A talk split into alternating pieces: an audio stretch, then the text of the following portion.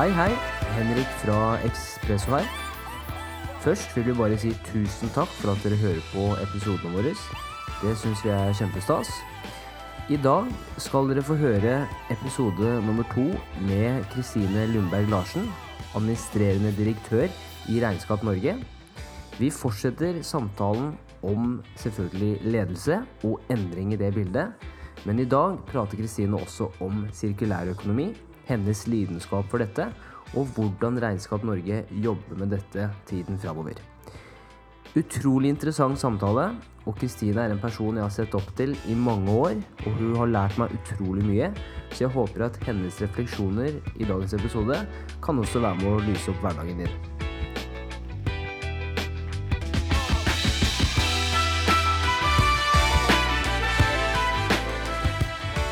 Yes. Hei, Kristine.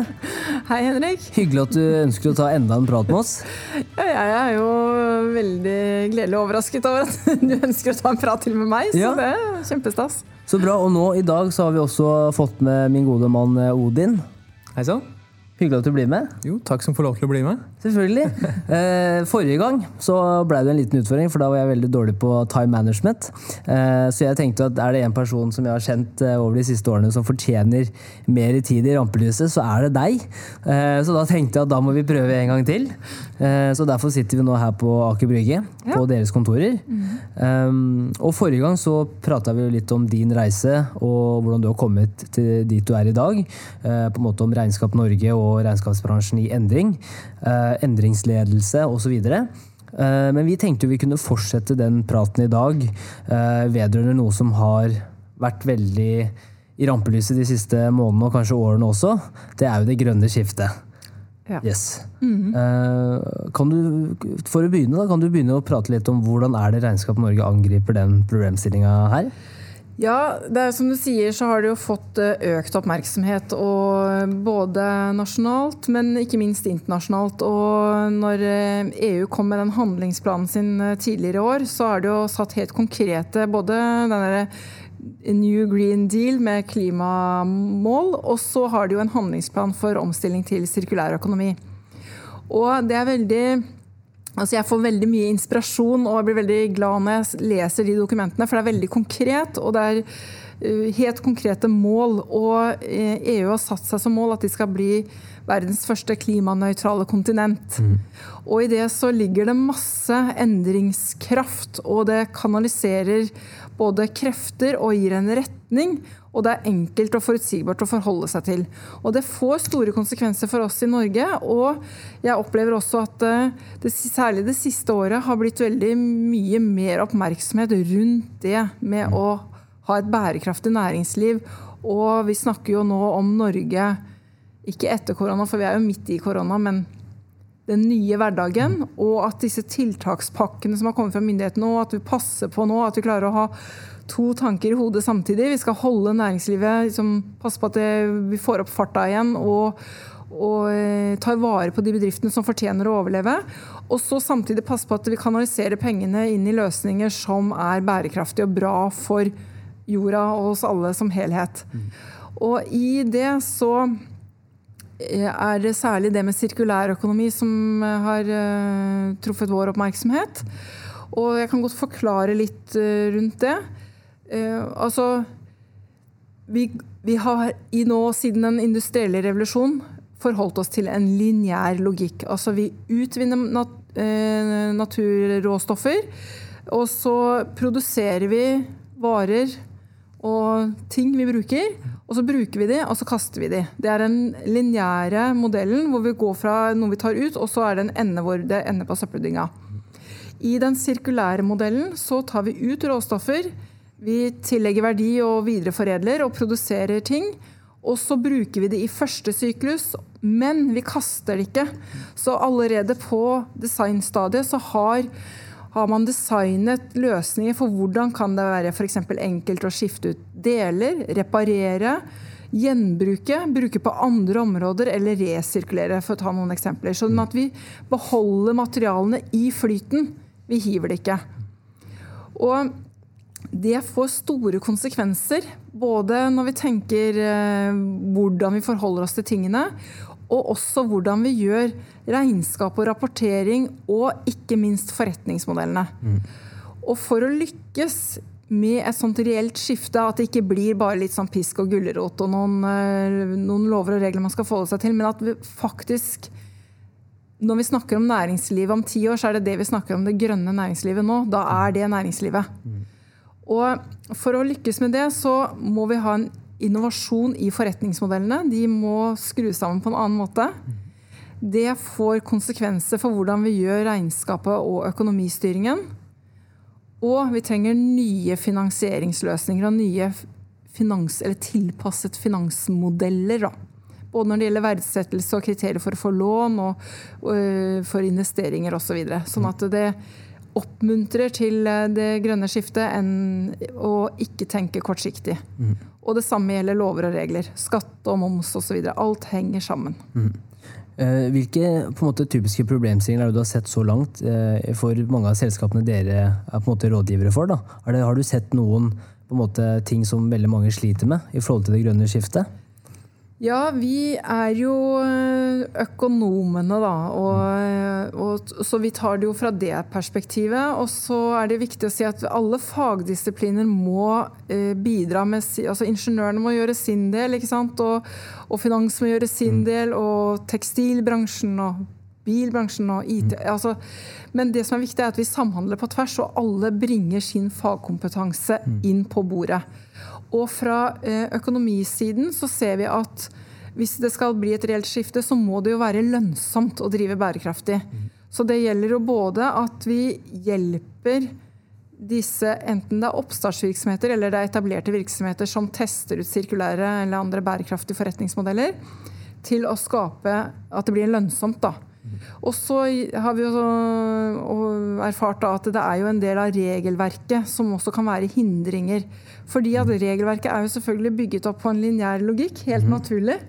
Og um, det må også videreutvikles sånn at det ikke er til hinder for å tenke sirkulært, men eh, oppmuntrer til det. Jeg kan ta et eksempel. Ja. Altså, bare for å nevne det, da, så har jo vi eh, For halvannet år siden så etablerte vi det som antagelig er verdens første sirkulære regnskapsklynge, i samarbeid med Høgskolen på Innlandet mhm. og flere av våre medlemsvirksomheter. Og rundt bordet når vi har klyngemøter, så sitter det da fageksperter innenfor regnskap, skatt og avgift fra Regnskap Norge. Tilsvarende så sitter det fra høyskolen professorer og forskere innenfor både de fagområdene, og også på, med virksomhetsstyring og forretningsutvikling. Og så har vi da en del eh, medlemsvirksomheter. Eh, og så jobber vi veldig konkret case for case med virksomheter, da, enten det er startup eller etablerte. Og der ser vi at for f.eks. hvis du driver med tekstil, da, så er skattereglene sånn at hvis du bommer på en kolleksjon og ikke får solgt den, så for å få skattemessig fradrag for de klærne som du ikke får solgt, så må du realisere det. Så det vil si enten så dumper du sånn kjempesalg, eller har det på en outlet. Fordi at det er jo den verdien du da til slutt får for den, som du tapsfører ikke sant, mm. inn i regnskapet. Men hvis det, ingen av de, du sitter allikevel igjen med noen tonn med klær da, etter å ha kjørt masse kampanjer osv., så, videre, så eh, kan du ta det til et eh, forbrenningsanlegg og destruere det og få kvittering på at nå er det borte. Mm. Og da, du, da, er det borte. Da er det ute Aha. av eh, beholdningen, og da får du tapsført det. Mm. Men hvis du gir det bort, si at du vil gi bort en haug med jakker eller bukser til Fretex f.eks., ja. så må du etter dagens regelverk betale uttaksmoms og uttaksskatt. Det og det er jo mange som, flere av de som velger å gjøre det nå også av omdømme og sikkert samvittighet. Mm. Men det er også en dyrere løsning å gi det bort enn å brenne det. Mm. Og da ser vi at regelverket ikke oppmuntrer til at man skal ta vare på materialene. Da. Det er ett eksempel. Mm. Hvordan er det man uh, gir insentiver til at bedrifter skal drive mer ja, både innovasjon, som du nevnte, som vi må gjøre, men også drive mer grønt?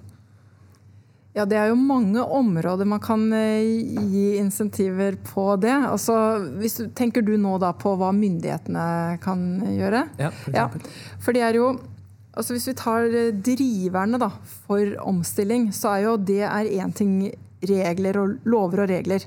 Og så er det jo en annen driver er jo forventningene til kundene og, og markedet. Og så er det det med Eh, negativ eh, eksponering med omdømme. Og så er det jo en risiko for å gå tom for råvarer, rett og slett. Fordi at en del ting er jo i ferd med å bli brukt opp.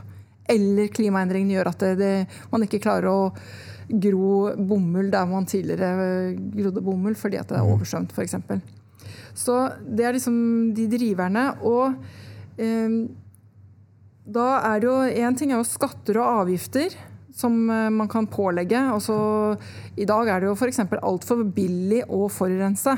Å, å gjøre utslipp til grunnvann, påvirke biomangfold, CO2-utslipp.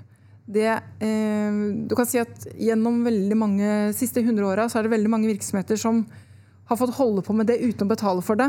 Så de har jo på en måte blitt subsidiert. Men noen betaler jo. Og det er jo vi i fellesskapet, fordi at det blir ødelagte grunnvann, arter dør ut, vi har global oppvarming og klimaforverringer f.eks. Sånn at fellesskapet betaler den prisen. Så én ting er jo skatter og avgifter for å forurense. En annen ting er jo regler for Det er jo flere land nå som forbyr å kaste type klær som ikke er brukt at da får man bot, ikke sant? sånn at man kan gjøre regelendringer på det. Og så er det også positive, og kan man gjøre positive insentivordninger. F.eks. at man kunne legge om sånn at eh, du blir belønna hvis du klarer å ta vare på noe. Enn å reparere det eller gir det bort videre, at det har en eh, positiv side, kontra i dag at det har en negativ side. Jo, dere har jobbet litt nå med, måte, med staten og det offentlige. Eh, og prøver å på en måte endre disse regelverkene. Hvordan, hvordan syns du Norge er på det her? Altså norsk offentlig etat. da. Syns du vi er, er vi langt framme på akkurat det feltet her, eller uh, har vi fortsatt litt å lære? Ja, altså Det er jo ikke noe veien, veien med ambisjonene. For mm. er, de er jo tydelige. Og er jo ty Norge skal ta en ledende posi eh, posisjon i det grønne skiftet. Så ser vi at, men Sånn er det jo ofte òg, at regelverksutviklingen henger jo litt etter. Mm. Og, øh, og, så kan du si at hver og en virksomhet kan jo ha liksom forskjellig nivå på hvordan man tilnærmer seg det. Så laveste nivået er jo bare å passe på at man ikke bryter lover og regler. Og jeg tror at ting skjer såpass øh, raskt nå i EU at det vil være mange som vil ha mer nok med å oppfylle nye direktiver og nye lover og krav mm. fra den kanten gjennom EØS-regelverket. Så Det er liksom det laveste nivået. Og så er det neste nivå det er en mer aktiv tilnærming. At man gjør enten mer bra for klimaet eller omgivelsene sine, eller mindre skade. Utover det som er eh, lover og regler. Og så har du på det øverste nivået de som virkelig integrerer det her i strategien sin og innoverer forretningsmodellen og lager en ny forretningsmodell og sier ja, vi skal tjene penger på en bærekraftig måte. Mm. Så det er liksom det øverste ja. nivået. Og i, der er det jo flere foreløpig større virksomheter som eh, er gode eksempler på det. Mm. Og så ser vi at når de virksomhetene setter seg veldig sånn tydelige klimamål, at de skal være nullutslipp innen si 2025 er et populært årstall, mm. så har jo de begynt å gjøre eh, husrengjøring hos seg selv. ikke sant? Fra at man ser på stopper og bruker miljøuvennlige løsninger og produksjonsmåter, mm. til at man tar stegene opp og virkelig innoverer hele produksjonsprosessen og verdikjeden sin og gjør ting eh, på en miljøvennlig og bærekraftig måte. Og i det så ligger det også at man begynner å stille krav til underleverandørene sine. Og eh, mange av de små underleverandørene til de store virksomhetene og til kommunene og det offentlige, de er jo kunder hos regnskapsførerne. Så det er der vi ser at vi treffer det først nå. At disse små og mellomstore som er underleverandører, får krav mhm. om at de også skal levere miljøvennlige løsninger, for det går inn i regnestykket til de større virksomhetene. Ja. Så jeg tror kanskje det er der det største pushen kommer. Mm nå om dagen, fordi at de store virksomhetene ser at deres kunder og kundene de får i morgen og overmorgen, de er jo sånn som eh, dere, da. Ja. Neste generasjon yes. som er på vei inn i, ja, er i arbeidsmarkedet nå, og de som er på vei inn, de vil ikke kjøpe av Det kan dere jo tenke på selv. Og hvem vil dere handle av? ikke sant? Vil dere handle av noen som eh, utnytter sine ansatte eh, rått og brutalt og gjør store miljøødeleggelser? Eller vil dere kjøpe varer av en som tar vare på sine ansatte og ta vare på miljøet? Og hvor vil dere jobbe? Ja. Det er jo ja, det er store krav, eller vi, i hvert fall vår generasjon stiller jo store krav. og det er jo, Jeg ser jo også tidligere med på en måte CSR, da, som det ble kalt på en måte back in the days. da, Det var litt sånn early, early phase som vi lærte på skolen, skolen Odin, men da var det mer sånn eh, Det var ikke noe man måtte gjøre, det var noe man kunne gjøre. Mens i dag så virker det som at bedrifter som ikke tenker langsiktig, tenker bærekraftig, på en måte holder seg til, den, til en bærekraftig modell. Da. Det virker som de, de taper jo i kappløpet om både kundene, ansatte og konkurransefortrinn. Ja, jeg tror også det. Ja. Og jeg tror også at de vil få og det er det allerede eksempler på. eh, Det blir dyrere og dyrere for de å få inn finansiering. finansiering. Fordi at eh, eh, investorer og långivere har begynt å prise inn klimarisikoen. Enten ved at eh, du får eh, eh, problemer med tilgang til eh, ressurser du bruker i produksjonen din, eller at det er en veldig stor sannsynlighet for at du blir underlagt reguleringer som vil eh, hemme virksomheten. Mm. Eller at eh, kundene vil eh, finne andre leverandører. Ja. Så, så alt i alt så bidrar jo det til at det, det blir lite lønnsomt å være i det grå, brune. Yes. Ja. Men ja, sorry. Eh, Hvordan er vi i Norge på det når det kommer til grønne skiftet i næringslivet kontra andre land? Ja Det er jo et godt spørsmål. I Her er det lov å være ærlig. Ja. si. Vi har mange, veldig mange elbiler, i hvert fall. ja. Også der har vi lykkes. Og der er- ser du samspillet mellom insentiver, at det er eh, lave avgifter, utbygging av infrastruktur, ladestasjoner, og tilgang til eh, at også produsentene har vært flinke til å produsere kule elbiler som man faktisk vil kjøre i. Altså, vi hadde jo den første elbilen i Norge, men den Think-bilen. Ikke for det. Ikke den Buddy-blikkboksen? Ja, En Buddin, ja. ja, ja, ja. Ja, ja, ja. Eh, Og, og den var jo bærekraftig, og, men den så jo ikke ut. Det var ingen, som ville kjøre i den. Men så kommer Tesla, ikke sant, som bare for motsatsen. Da. Ja. Så det er jo også, virksomhetene må jo innovere også i produktene sine, sånn at de er, eh, folk vil ha de. Så eh, ja, det er flere faktorer som spiller sammen. I Norge så har det frem til nå, nå hvert fall når vi snakker om sirkulær økonomi, vært veldig mye eh, fokus på avfall. Eh, Og det er klart at hvis du tenker en sånn, en sånn avfallspyramide, og nederst i den avfallspyramiden, der er det å kaste deg på søppeldynga. For det gjør no good.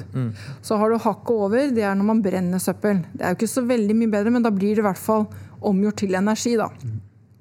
Men over der så er det jo mange trinn opp til Hvis du er helt øverst, så har du ikke avfall, for da har du tatt vare på alle ressursene. Men det er mange, mange forretningsmodeller i det mellomsjiktet der med å reparere, gjenbruke, ombruke osv. Hvor de nok har kommet en del lenger i andre land. Hvor vi i Norge har vært vært veldig flinke til å sortere avfall. Men, og det er bra. Så jeg må bare gi masse honnør til avfallsbransjen, for de har vært eh, våkne og tidlig ute. Og fått velfortjent oppmerksomhet rundt det. Men eh, da behandler jo vi symptomene, og det at vi stadig får et større og større søppelberg. Men hvis vi skal gå til rotårsaken, så skal jo ikke ting ende opp som søppel. Og hvis vi, hvis vi tar et steg eh, for at, sant, Det at selskapet begynner å stramme, stramme nedover verdikjeden da, og på en måte eh, stille større krav til de de jobber med, eh, og de de får tjenester og produkter levert av. Da. Men en også en viktig del av det her, som du nevnte, å få det inn i strategien og forretningsmodellen, er jo også at man må få med seg de ansatte. og der, Vi snakka litt om det med endringsledelse. Men hvordan gjør man det akkurat med fokus på det grønne skiftet og da sirkulær økonomi? Har du noen tanker rundt det òg?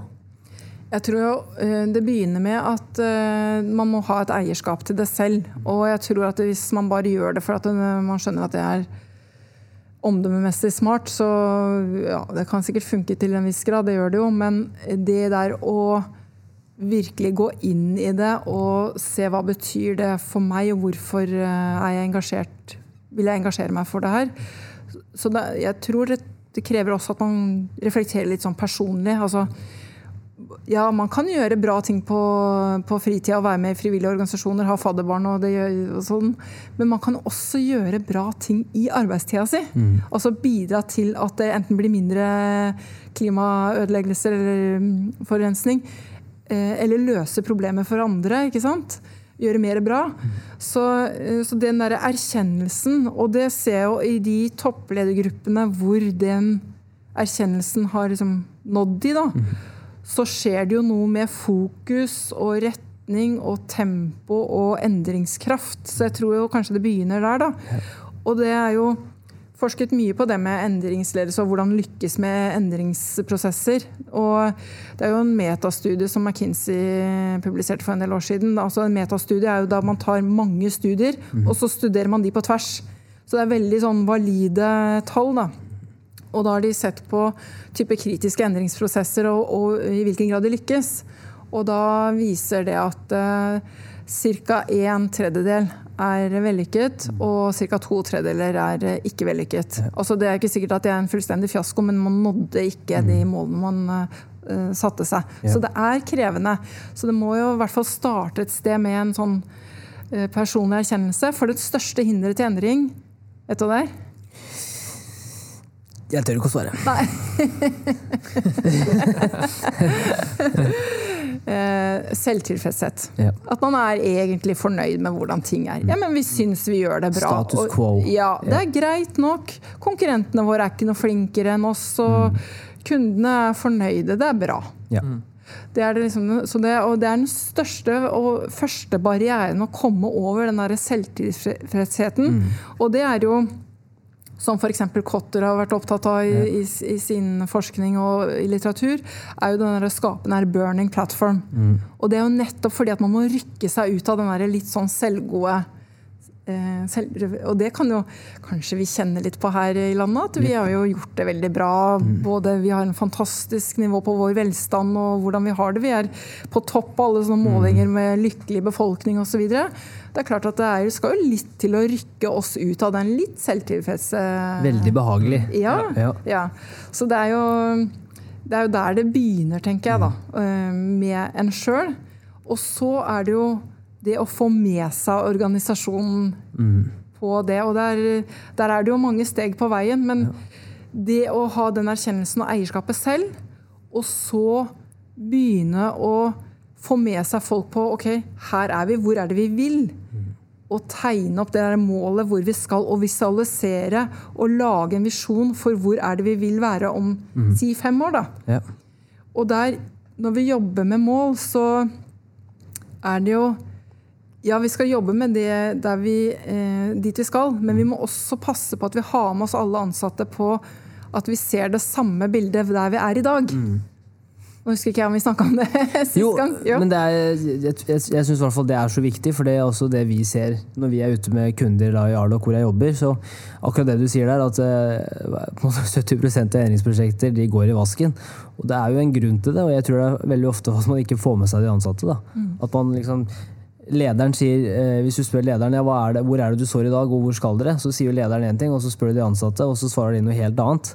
Så vil jeg bare legge til det at det ja. er utrolig viktig. Ja. ja. Nå vet du, nå driver vi og seiler, da. ikke sant? Mm. Og det er jo sånn, hvis du, sette, hvis du, skal til et mål, si at du skal um, seile til Bergen, da. Mm. Så er det jo veldig ulik kurs om du oppfatter at du befinner deg i Trondheim, eller du oppfatter at du befinner deg på Lindesnes. Mm. Og der, der, der, begynner det ofte, der, der begynner det å skjære seg allerede da. Ja. At man ikke har brukt god nok tid på å forankre mm. på hva er nå situasjonen, yep. og så hvor er det vi skal. Mm. Og det at vi kjenner på at ja, der vi er nå, det har fungert bra hittil, men det fungerer ikke bra lenger. Nei. Det må skje noe endring, og det er jo den erkjennelsen som man da bruker til å rykke seg litt ut av den der litt selvtilfredse, mm. behagelige situasjonen. Jeg tror i hvert fall det i Norge òg, at det er sånn den derre den, den, eh, den, risikoen da, ved å prøve å oppnå noe som er bedre i framtida, kontra den usikkerheten for å miste det du har i dag, jeg tror den er veldig sterk mm. hos oss uh, nordmenn. Vi har det jo veldig bra. Vi er ikke nødt til å gjøre noe annerledes? Nei, rett og slett, for vi har det jo bra. Det går jo fint å ikke gjøre noe. Det er i hvert fall det vi føler. Ja, ja. Og generelt, uansett hva vi snakker om, eh, og hvilket land vi snakker om, så er alltid den løsningen vi kjenner, eller den måten å gjøre ting på, eller den situasjonen vi har nå, er alltid høyere verdsatt enn å, noe ukjent. Så vi verdsetter alltid det vi kjenner, høyere.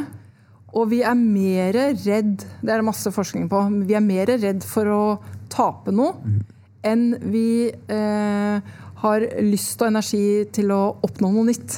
Så er den redselen for å tape er sterkere enn den ønsket om å oppnå noe nytt. Så det, det er en sånn risikoaversjon, at vi er mer opptatt av å beskytte det vi har, enn å tørre å liksom trå ut av en komfortsone for å kunne oppnå Ja. noe nytt. Da. Og i hvert fall med det grønne skiftet, når man da kanskje ikke føler noe konkret eh, payback da, av det man gjør. Hvis man gjør noen tiltak, så føler man kanskje ikke på kroppen, eh, i hvert fall ikke med en gang, at det faktisk gir en positiv effekt. Da. Mm. Eh, Så da er det vel bare enda vanskeligere å faktisk gidde å gjøre noe med saken. Ja, eller smerten i dag òg, Mm. som man kan ha Ja. i dag. Og det er et veldig godt poeng, fordi at uh, vi um, har jo samarbeid og dialog med søsterforeninger, altså type Regnskap Norge, i Vi har veldig nært samarbeid med Sverige og Finland, og til dels Danmark.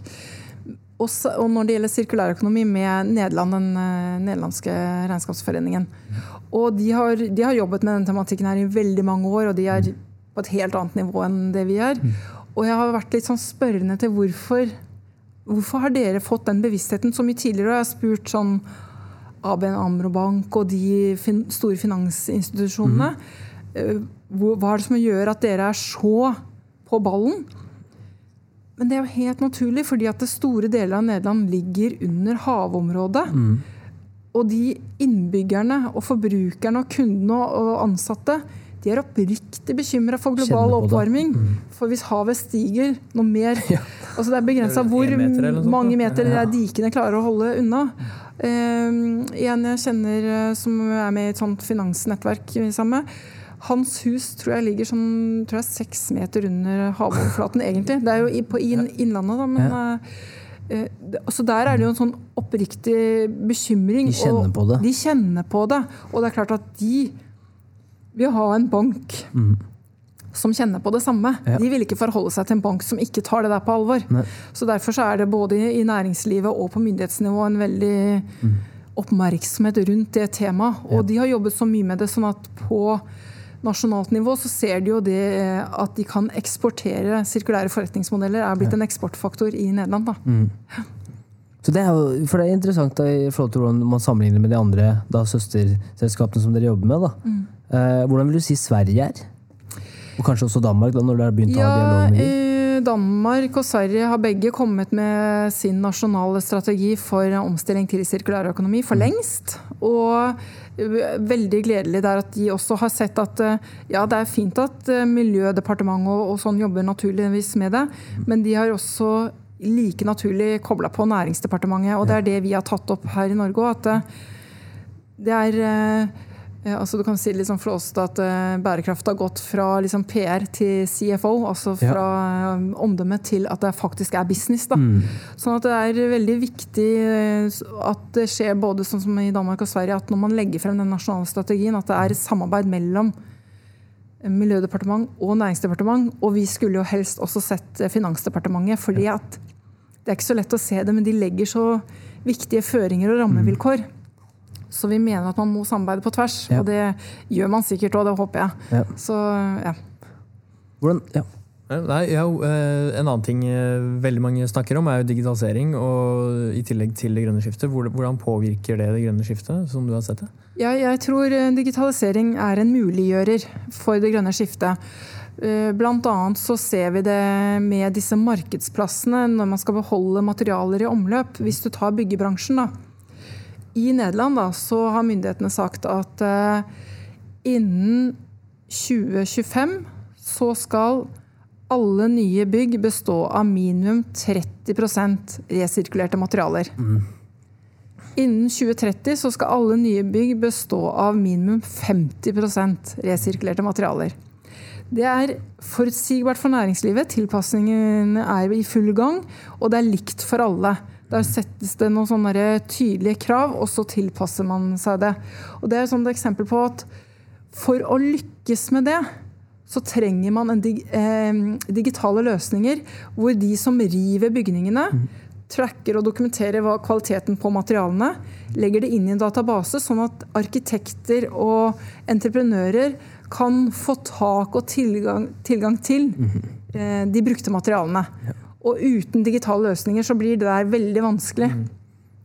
Det er en, en vi har, hatt på besøk i den sirkulære regnskapsklyngen. Som, hva er det de heter? Nå står det litt stille. Men det er en sånn eh, eh, eh, Som bil De som demonterer biler og Bygger nye? Nei, eh, sånn Ikke skraphandler kalte man det jo før, men man kaller jo ikke det nå lenger, da. I Brumunddal i hvert fall. Ja. Eh, og de, de er på en resirkuleringsgrad på de bilene de får, som er sånn totalvrak som Ja. bare skal eh, skrapes, da. mm. på 97% Det er ganske rått. Det er helt rått. Og eh, de har jo laget en egen database. Og de har altså tusenvis av deler, og de har jo kunder nå i hele verden som etterspør deler. Og de har så god dokumentasjon og track på Ja. alle Så de, der har jo teknologien vært en muliggjører for at de kan resirkulere omtrent hele bilen. da. Ja, Jeg tenkte på sånne show på Discovery Channel. Det noen sånne amerikanske sånne overhauling som ja. renoverer eh, biler og gjør de ganske kule. Men eh, fett. Da skal vi ta en tur til Brumunddal, da. Ja. Kanskje vi skal gjøre det? Så vi finner en bil. Snakke med noen som driver med det? Ja. Men, eh, men litt sånn, eh, når vi først er inne på det grønne skiftet, da, når vi har snakka om det nå hva, eh, Du er jo også en utrolig interessant person. Og hva er det som gjør at du har blitt så lidenskapelig opptatt av det her de, de siste årene nå? Jo, takk for det, Henrik. Jeg tror jeg er sånn ganske gjennomsnittlig interessant. Altså. Veldig interessant. Men eh, nei, du vet at når jeg først kom i kontakt med det, eller lærte om sirkulærøkonomi tilbake i 2017, det var gjennom eh, Katrine Barth, Circular Norway, og Frank Eknes i Elektroforeningen, som har vært sånn pionerer på det området her i Norge, da, for å få det til å bli business av det. Så, så var jeg med og jeg satt i advisory board når da, i etableringen av Circular Norway, som skal være en sånn katalysator for at vi skal lykkes med omstilling til en sirkulær økonomi. Eh, når jeg var med på liksom foredrag og seminarer for å lære litt mer om det, så én ting var at jeg veldig tidlig så at det treffer vår bransje, eller vi blir viktig for å hjelpe de små og mellomstore til å få det til. Men sånn rent personlig så ga det sånn umiddelbart mening. Og altså jeg er sånn eh, Jeg vokste opp i Son utafor Oslo. Eh, eldst av tre. Med, jeg hadde hjemmeværende mor til jeg var tolv, så vi var veldig mye ute og lekte. Vi bodde på et byggefelt helt inntil skogen. Og vi klatra i trær og vi bada i bekken. og vi, altså de, Mamma plynga med sånn bjelle når vi skulle komme inn og spise lunsj. Så det var jo det er ingen som jo oppdrar barn på den måten i dag. Også kalt en iPad. Så, så vi lekte veldig mye og brukte naturen helt naturlig. Og så er jeg hestejente, så jeg har drevet med hest og hunder. I, så jeg har vært veldig mye ute i naturen hele tiden, egentlig uten å ja, bare, Så det for meg og all den gleden og alle opplevelsene og jeg, som jeg også har hatt på fjellturer og skiturer og ute med seilbåten og, og vokst opp med det, så er det sånn umiddelbart fornuftig å ta vare på det. Jeg tror, eh, Og så tror jeg at vi er blitt så veldig moderne eh, at det er lett å tenke at vi mennesker er her, og så er naturen der. Og så opplever nå, det har jeg kjent på selv, at det henger sammen. Vi er en del av naturen, Ja. og vi er avhengig av naturen. Og dør biene ut og vi ikke får pollinering, så kommer vi til å dø av sult, rett og slett. Ja. Så, det er mange sånne konsekvenser. Men det å ta vare på naturen, og det å ta vare på det vi har, er jo også helt fornuftig. Og der tenker jeg at vi har egentlig vært sirkulære helt frem til vi kom til den industrielle revolusjonen. Og særlig kanskje kan du si i etterkrigstiden, når vi skulle bygge landet, og det var veldig sånn fokus på forbruksvarer. Men jeg kan jo bare ta min eh, mormor. Altså, hun døde for et par år siden, ble 99 år gammel. Og en skikkelig stabeist av en kjerring, men jeg holdt, var Bein i full vigør til det siste. Og eh, på kjøkkenet hennes så hang det alltid sånne de vet, de der fryseposene. Eh, vrengt. Fordi at hun hadde frøst ned et eller annet og så tatt opp igjen, og posen var like hel. Så skylte hun av det, og så vrengte og så hengte det til tørk. Du var før ut sin tid, rett og slett. Ja, Ja. ga henne gaver eh, med pent eh, papir, så Og pakka hun opp det veldig pent, og det, den her har jeg tatt med meg selv. da. Og så glatta ut papiret, og så kunne det brukes Bruk på nytt igjen. Det var jo ikke nødvendig å kaste det papiret. ikke sant? Så hadde masse sånn gavepapir liggende. Og, ja. og sånn, hvis du tenker deg det norske bondesamfunnet, tenk deg alle gårdene langs norskekysten. Bare si 100 år tilbake. Det var ingenting som ble kasta der. Det ble reparert, og det ble det er jo sånn der Prøysen-vise, han som skulle lage et eller annet til mor, og så spikker han litt feil, og så blir det mindre og mindre. Det skulle vel være et bord, og så, ble, og så ender det opp med en fjøl, da, i hvert fall. Ikke sant? Men sånn var det, at man lagde ting, og så reparerte man, og hvis det ikke kunne repareres mer, så ble det brukt i noe annet. Og man kasta det jo ikke, og sånn er det jo også i mange andre land òg, at man tar vare på tingene. Og det er jo egentlig helt logisk. Ja. Så jeg tror at hvis vi ser menneskehistorien under ett, så vil, har vi vært sirkulære i tusenvis av år. Og så kom det et skifte der på slutten av 1800-tallet, starten av 1900-tallet, hvor vi fant opp det med masseproduksjon. Og det var mange utrolige oppfinnelser som gjorde livene til menneskene lettere. Og det var et sånt sug etter materielle goder. Og man hadde jo ikke noe kunnskap om konsekvensene av å slippe ut forurensning til luft og vann. Og eh, det var få folk eh, på jorda, og man kunne bare kaste ting når man hadde brukt det, langt bort, slapp å se på det, tenkte ikke noe mer på det. Så, så der var det liksom, kom det et skifte hvor vi gikk fra å ta vare på og gjenbruke til å ta eh, råvarer, produsere og bruke og kaste. Og så har vi nå de siste årene så mye informasjon om hvordan vårt forbruk påvirker klima. Og 80% av det vi forbrukere bidrar med til klimagassutslipp, kommer fra produksjon av varer vi kjøper. Sånn at ved å bruke ting på en smartere måte, ved å dele, ved å leie istedenfor å kjøpe osv., osv., så, så har vi en kjempemulighet til å bidra til mye mindre klimautslipp. Så, så, og der kommer vi også Én ting er hva regnskapsførerne bidrar med til sine kunder for å hjelpe de, men en annen ting er jo også hele regnskapsfaget er jo en utvikling. Det sitter kloke mennesker i dag rundt i hele verden og tenker på hvordan kan vi lage standarder og metoder sånn som vi gjorde når vi utviklet finansregnskapet sånn som vi kjenner det i dag. Som teller og måler og rapporterer alt det som er inni bedriften. Råvarer, arbeidskraft, energi osv. Men vi har ikke gitt det rundt noen verdi. Men alle virksomheter påvirker omgivelsene sine. Både menneskene og naturen. Og kan vi finne noen felles standarder for hvordan vi teller og måler og gir verdi? til Sånn at når vi som er forbrukere, eller det er långivere eller investorer, har hele bildet når man tar beslutninger. For i dag så tar vi beslutninger bare på en del av bildet av virksomheten, det som er inni. Men vi ser ikke hele bildet. Nei.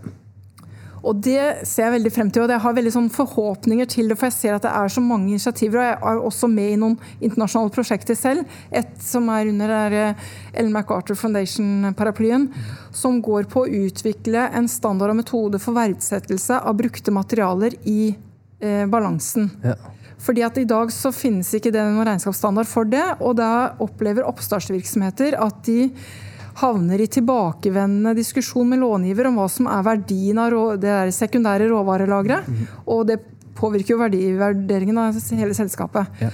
Så det er jo sånn da, Henrik, at det som ikke telles, det teller ikke. Nei. Det blir ikke gitt noe verdi, og naturen er ikke gitt noe verdi i den rammen vi forstår vår økonomiske virkelighet på. Og derfor så trenger vi å tenke nytt, og vi trenger å ramme inn helheten. Og når vi gjør det, så vil de bærekraftige og langsiktige forretningsmodellene vinne. Ja. Men det gjør de ikke i dag. Nei. Jeg, jeg tenkte også i hverdagen. Altså etter da du, det møtet ditt da med, med, med dette temaet og grønne skiftet, da, i bak, liksom, hovedsakelig i 2017, har, har du gjort noen endringer i liksom, din egen hverdag som du har blitt mye mer eh, observant over? Da, som du tenker mye mer over? Ja, det, det ligger jo der, og det er jo noe med å leve som man lærer. Jeg skal ikke si at jeg har liksom lagt om livsstilen eh, helt, det har jeg ikke. Men eh, faktisk så tok jo vi i familien en beslutning om at eh, vi skulle eh, ha fire uker seilferie i år. Det bestemte vi i jula, når vi satt med ungene og prata. Men jeg skal ikke ta æren for det, for det var egentlig ungene som sa at eh, for Vi snakka om hvor skal vi dra på sommerferie, og da sa de at eh, vi er veldig glad for de utenlandsferiene vi har hatt. Det har vært kjempefint, men det er greit. Det er bra. I år så har vi lyst til å være på sjøen og være i Norge. Så det var egentlig før korona. Ja. Men eh, så Og så eh, har jeg jeg ikke, skal ikke si at jeg er blitt vegetarianer, jeg er opptatt av å ikke bli for rigid, liksom for firkanta, for det blir lite smidig. Men jeg spiser veldig lite kjøtt. Det har jeg gjort de siste par årene. Ja. Eh, Både fordi at kjøtt er en eh, Det er mye negativt sånn klimamessig med kjøttproduksjonen. Også dyrevelferd. Og så um, er det rett og slett bra for kroppen min, merker Ja. jeg. Å spise, jeg spiser fisk og, grønnsaker. grønnsaker. Så, um, og så eh, det med forbruk av Jeg har ikke innført fullstendig shoppestopp, men Nei. jeg kjøper mye mindre klær nå. Eh, og jeg sparer heller å kjøpe litt dyre ting med en kvalitet enn eh, jeg gjorde tidligere. Så der har det vært en reell endring. Ja. Jeg, jeg syns også det er kjempeinteressant å prate om det, for det blir veldig sånn man må bli veganer i morgen. Nei, man må gjøre ja. alt i morgen. Man Ja. kutte oljen i morgen. Ja. Mm. Bare veldig på spissen. Da. Eh, og jeg tror også sånn, det handler om en balanse. Eh, og det samme med, Jeg shopper veldig sjelden, men jeg shopper fortsatt. Ja. Uh, samme med kjøtt. Jeg spiser mye mindre kjøtt enn jeg gjorde før. Kanskje også fordi dama er veganer. Mm. Ja. Så jeg har ikke noe valg. Men, uh, men det, jeg vil også gjøre det i et tempo som er naturlig. Mm. Ikke tvinge deg selv til å Bare for at andre sier det, så må du gjøre det nå. Ja. Men, ja. Jeg syns det er veldig viktig der å ikke bli for firkanta. Og så syns jeg det er én ting til òg, fordi at jeg ser at når noen har noen gode initiativer, så blir de veldig fort tatt på det at det ikke er perfekt. Men det at vi kan være litt sånn romslige hverandre og se at det her er et skritt på veien. Og så tester man kanskje ut en ny businessmodell, og så har det fortsatt noen negative sider. Og så får du noe sånn helt slakt ja, liksom skal redde verden, men har dere tenkt på det og det? Eh, ja, men det er et skritt i riktig retning. Man, vær litt rause med hverandre, så heier vi på det. Selv om vi alle vet at det er ikke de perfekte løsningene ennå, men vi må jo gå, vi må jo bygge må stein på stein. Ja, ja. Ja, mm. Nei, Jeg, jeg er helt enig.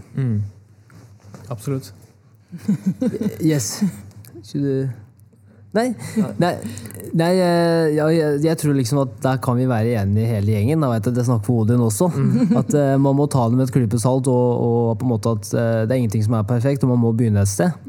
Eh, og da setter vi i hvert fall veldig stor pris på at du ville ta en prat med oss i dag, eh, Kristine. Ja, og eh, apropos det, da. Ja. Jeg må bare kom, eh, for der eh, husker jeg fra eh, i fjor, da, med altså, disse og ungdommene. Mm. Og så var det en del voksne som sier ja, men har du tenkt på at du aldri skal dra til Syden mer? Og, Ja. og, og det tenker jeg blir sånn negativt, istedenfor å heie på mm. at det er en bevisstgjøring. og de unge er oppriktig bekymra og Mhm. gir uttrykk for det. Så ta, og det er mange av de er sånn 12, 13, 14, 15, 16 Mhm. år, og det kognitivt har kommet et visst stykke på vei, men de har mer igjen å se liksom, konsekvensen av ting. Men Ja. ta det for det det er, da. Og vær glad for det positive initiativet, og at det er et engasjement der. Ja. Og så ikke liksom sable dem ned og, og, og vurdere dem etter kriteriene som du ville vurdert en voksen, erfaren person.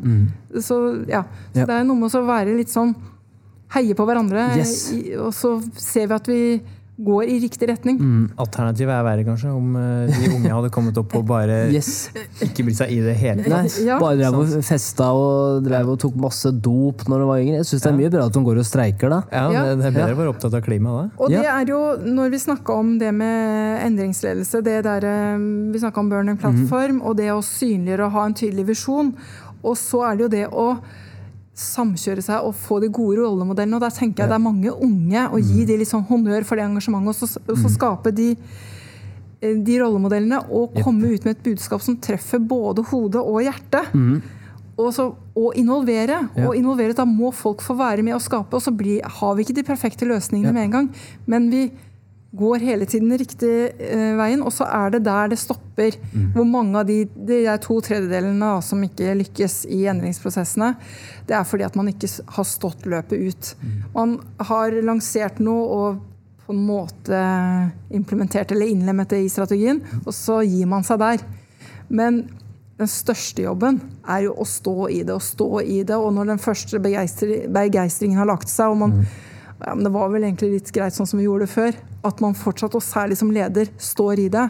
Og jeg tror eh, Det er Kristin Skogen Lund som har sagt noe sånn prosentfordeling på en vellykket sånn endringsprosess. En ny strategi er jo 5% av selve strategien, og så er vel 10 er jo den kommunikasjonen og prosessen rundt det.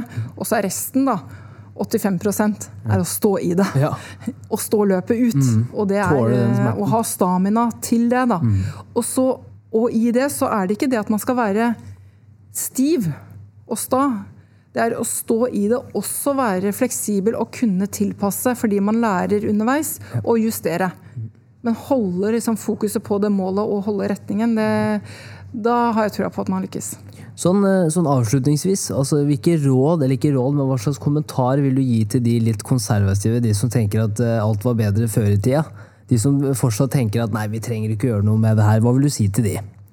Både toppledere og ansatte og hverdagslige personer, hva enn det skal være. Ja, jeg forstår at vi er ulikt skrudd sammen. Mm. Eh, og for noen så er endring mer skummelt enn eh, enn for andre. ikke sant? Så Der er vi veldig ulike hvordan man forholder seg til det. Noen mm. syns bare det er spennende og gøy, og andre syns det er kjempeskummelt.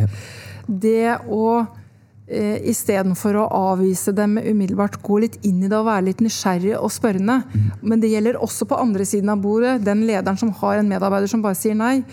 Virkelig utforske hva er det motstanden skyldes. Det er ikke sikkert det er den endringen. Det kan være andre ting som spiller inn som gjør man at man blir utrygg. Det har jeg i hvert fall erfart selv. at Ved å være litt mer åpen og nysgjerrig og Det er ikke alltid like lett når man kanskje har noen deadlines og noen som pusher på og man skal gjennomføre. Men det å se litt på hva, hva er det her for noe, være litt spørrende, og så finne ut av hva er det, hva er det inni der som jeg kan relatere meg til. Mm -hmm. Og fins det Er det sikker på at akkurat sånn som jeg er vant til å se verden på, er det den eneste måten å se verden på, eller kan jeg ha ulike perspektiver på det? Mm. For de som ønsker å lære mer om eh, Kristine og Regnskap Norge, hvor kan folk finne dere på nett? Og er det noen ting de bør vite om dere framover? Vi ønsker å være en pådriver og hjelpe til med det grønne skiftet. Og det er eh, kanskje ikke det man tenker først på når man tenker på regnskapsbransjen som sådan.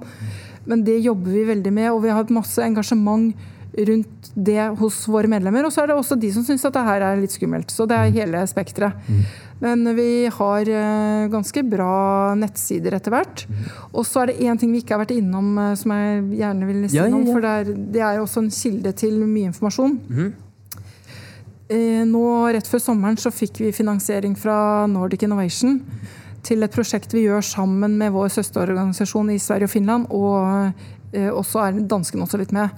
Eh, og det er å utvikle en nordisk standard for bærekraftsrapportering for små og mellomstore virksomheter. Mm. Det finnes masse standarder for børsnoterte og de store selskapene internasjonalt.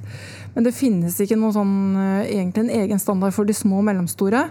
Og eh, Derfor har vi tatt dette initiativet, fordi at vi jobber jo med standarder når det gjelder regnskapsføring og lønn og de områdene der. Så vi har jo liksom den der måten å jobbe med standarder på, det kan vi. Mm. Eh, og det heter eh, Den siden heter NSRS. Mm -hmm.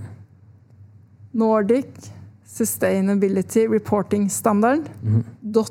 .eu. Den skal vi legge inn i shownotesa òg. Ja, ja. Og den nettsiden er ferdig rett rundt hjørnet. Ja. Og der vil man kunne følge arbeidet eh, og prosessen. Mm. Og så vil det også ligge masse informasjon om der om eh, tematikken. Mm. Så, eh, så, både regnskapnorge.no og nsrs.eu. Og så er vi jo på LinkedIn og Facebook. Og, og podkast. Og podkast. Dere har starta podkast? ja. Regnskap Norge-podden. og der er det mange spennende folk. Det er det. Så anbefaler å ta en, eh, holdt på å si, ta en titt, men uh, ta og hør. Hør på den også. Odin, noe du vil legge til på slutten? Nei, jeg føler vi har vært gjennom ganske mye bra. Mm -hmm. Tusen takk, Kristine, og takk for at du eh, tar enda en eh, sjanse med meg. setter jeg pris på. Tusen takk, Henrik, for at jeg fikk lov. Det har vært veldig hyggelig. Alltid. Tusen takk.